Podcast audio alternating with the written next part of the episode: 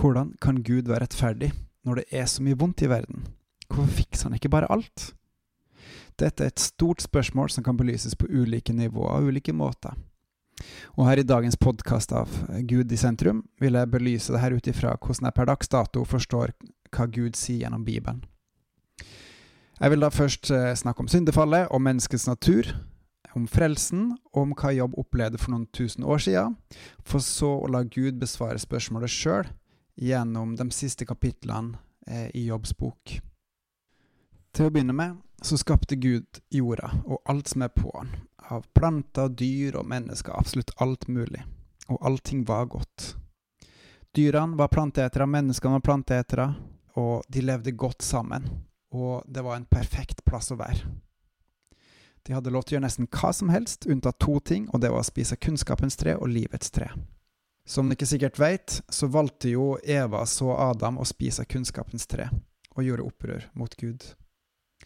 De hadde fått livet som gave, de hadde fått alt som en gave, de hadde alt de trengte, de hadde godt. Og likevel så valgte de å gjøre opprør mot Gud. Et stort spørsmål oppi det hele er jo hvorfor plasserte Gud disse to trærne i eh, Edens hage, når han visste at det var en fare for, eller mest sannsynlig, at menneskene kom til å spise av det? Et kort svar på det er at Gud ønsker ikke at vi skal tilbe Han, kjenne Han, ære Han, fordi vi må, men fordi vi vil. Han ønsker ikke at vi skal bli pressa til å gjøre noe vi ikke vil, men at vi heller skal sjøl velge om vi vil følge Han, om vi vil leve sammen med Han opp og få alt det gode Han har å gi, den kjærligheten Han har å gi. For det Han egentlig vil, er jo at vi skal leve i et gjensidig kjærlighetsforhold til Han, hvor Han elsker oss først, og dermed at vi elsker Han tilbake igjen. Så derfor satte han også kunnskapens tre inn i Edens hage, for at mennesker skulle sjøl få lov til å velge om vi vil følge han. Adam og Eva gjorde opprør, og det fikk sine konsekvenser, og fra og med de spiste av kunnskapens tre, så visste de om forskjellen på godt og ondt. Og når man vet forskjellen på godt og ondt, så gjør man selvfølgelig også godt og ondt. Og nettopp fordi at de både gjør godt og ondt, så kunne ikke de få lov til å bo i Edens hage, hvor det bare var godt fordi at da ville det ødelegge alt som var der. Dermed var det ut av Edens hage, og det hadde sine konsekvenser. Samtidig, Gud visste nok her helt fra starten av at det kom til å gå den veien, og han hadde lagt en plan som var til før menneskene var skapt. Forstå den som kan. Og det står også at når han skapte verden, så var det oss som så at det var godt. Så samtidig som Gud er én, så var det også et flertall inni her. Guds ånd svevde over vannet, står det. Og senere i Bibelen så står det også snakk om visdommen som, var, som, er til stede i alt som er, og som var til stede før jorda ble skapt. Andre plasser i Bibelen så står det igjen at visdommen er trolig Jesus også. Selv om den opererer på forskjellig nivå, så er også Jesus visdommen. Så Jesus han sa også f.eks. at før Abraham var, er jeg. Og dermed så sier han også at han på lik måte er Gud, fordi Jabe betyr 'jeg er', og Jesus sa om seg sjøl 'jeg er'. Ikke bare at han var før Abraham, men han 'jeg er'. Så før jorda ble skapt, så hadde Gud lagt en plan, altså Gud, den treenige Gud, Far, Sønn og Hellig Ånd, om hvordan de skulle frelse verden, altså frelse menneskene fra eh, denne verden. Etter syndefallet så ble det jo sånn at alle mennesker er født med en evne til å gjøre både godt og ondt. Og fordi at vi kan gjøre både godt og ondt, så klarer vi ikke å leve opp til Guds standard. Den standarden som sier at vi skal elske og vi skal gjøre godt til enhver tid. For det er der Gud er. Det er der standarden er. Så vi har ikke sjans til å nå opp til den standarden. Gud brukte først en mann og deretter hans etterkommere, fysiske etterkommere, biologiske etterkommere, til å bygge opp en slekt, et folk, som han skulle bringe frelsen gjennom. Først så kom løftet til Abraham. 400 år senere så kom Moses og loven, og loven viser hva Guds standard er, og den er ufeilbarlig, og den er god. Og samtidig så viser den også gjennom menneskets natur at der er lista, vi har ikke sjans til å leve opp til han. Nesten 1500 år seinere så blir Jesus født. Guds egen sønn. Og han skulle vise seg at han var den som profetene hadde profetert om i lang tid. Han er den Messias, den frelseren, som skulle komme og frelse hvert eneste menneske som tror på han. Denne frelsen kalles gratis. Denne frelsen sies at er av nåde. Hvorfor?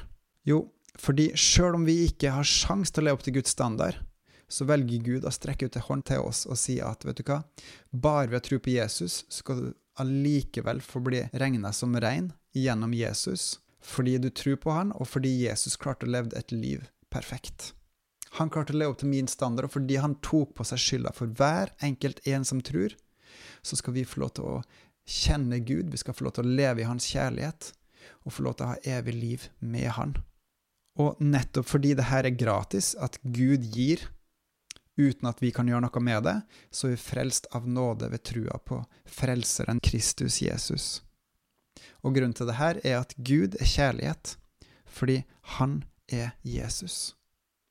Så høyt elsker Gud oss at hver den som tror på Han, ikke skal gå fortapt, men ha evig liv. Vi elsker fordi Han elsker oss først. Det er litt uvisst eh, når Jobb levde, men trolig så levde han eh, en gang under første Mosebok, ifølge en kilde jeg har eh, lest på. Det vil altså si at han levde minst 1500 år før Jesus ble født, altså lenge før Moses ble født. Det som skjer i Jobbs bok, er ganske snodig, fordi boka presenterer en mann som levde helt etter Guds vilje, en som ikke synda. Han kan nok ha synda tidligere i livet, men nå så synda han ikke og Gud velsigner han rikt. Og så skjer det at Satan han kommer framfor Guds trone, og Gud skryter av jobb fordi at han er en som følger Gud. Og da utfordrer Satan Gud og sier at det er kun fordi at du har velsigna han så godt, at du har beskytta han, at han velger å følge det. Og Gud gir han tillatelse å teste han. Så gjør Satan, og jobb får en enorm lidelse på ulike plan. Etter at dette har skjedd, så er det tre såkalte tre-fire såkalte gode venner av jobb som kommer på besøk til han, og vil trøste han. Og det de gjør, er vel egentlig å hele tida si at vet du hva, du har synda, du har sjøl skyld i alt det onde som har skjedd deg. Og jobb forsvarer seg hele tida og sier at nei, jeg har ikke synda, jeg har vært rettferdig, hvordan kan Gud gjøre det her? Og så går det fram og tilbake det her, en, en diskusjon mellom de på ca. 35 kapitler, hvor de snakker om hvem er Gud? Er Gud rettferdig? Har jobb sjøl skyld i den urett som han lider for? Eller er det noe annet som er i gjære her? Hvordan kan Gud straffe en som ikke synder, en som lever etter Guds vilje? Det forunderlige er svaret som kommer helt til slutt. Fordi Jobb, han roper opp til Gud, 'Hvordan kan du straffe meg for alt det her? Jeg som har levd rettferdig, jeg som er sånn og sånn, hvordan kan du la ugudelig ha framgang, mens jeg har motgang av denne sorten?' Og Gud svarer på en helt annen måte. Det er som om Gud sier at spørsmålet ditt er feil. Det Gud gjør da, er å vise Jobb hvor komplekst og sammensatt verden er og at vi mennesker som har to øyne av som kun ser det som er rundt oss, ikke klarer å se hvor mye ting henger sammen, og hvor, hvordan ting fungerer, og hvor avansert de ulike tingene er. Istedenfor å svare på de konkrete spørsmålene til jobb, som er veldig snevert bilde av hele hvordan verden er, så begynner Gud med det grunnleggende. Hvor var du når verden ble til, når jeg skapte alt som, som, det er, hvordan det henger sammen, og fått det til å fungere på en fantastisk fin måte? Har du innsikt? Og etter hvert som Gud går fram her og bruker eksempel på eksempel, både på natur og på dyr og på andre ting, hvordan ting henger sammen, og hvor avansert og hvor vakkert og velskapt ting er, så svarer Jobb eh, etter at Gud sier, Du som klandrer den allmektige, vil du trette med han? Du som laster Gud, du må svare på dette. Da svarte Jobb Herren og sa, Nei, jeg er for liten. Hva skulle jeg svare deg? Jeg legger min hånd på min munn. Og det som er litt snodig gjennom det svaret Gud gir til jobb, formidler også Gud til oss at hvem er vi til å tørre å sette oss opp mot Gud? Hvem har gitt Gud noe først? Sånn at han skylder noen ting. For alt under himmelen hører Gud til. Mot slutten så står det at da svarte Jobb Herren og sa, Jeg vet at du kan alt, og at ingen plan er umulig å gjennomføre for deg. Hvem er den som vil formørke ditt råd i uforstand?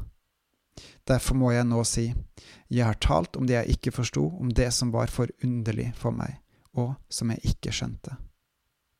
Gud har kontroll. Gud er rettferdig, han er sannheten. Han veit hva som er godt og ondt, vi gjør ikke. Og det er kun gjennom å la Hans visdom, gjennom å la, ta imot Jesus og la Hans Hellige Ånd virke i oss og snakke til oss, at vi kan få Hans visdom. Den kan vi få gjennom å lese Skriftene, altså alle bøkene i Gamle Testamentet. Den kan vi få gjennom å lese Nytestamentet og å bruke tid med Gud i dag.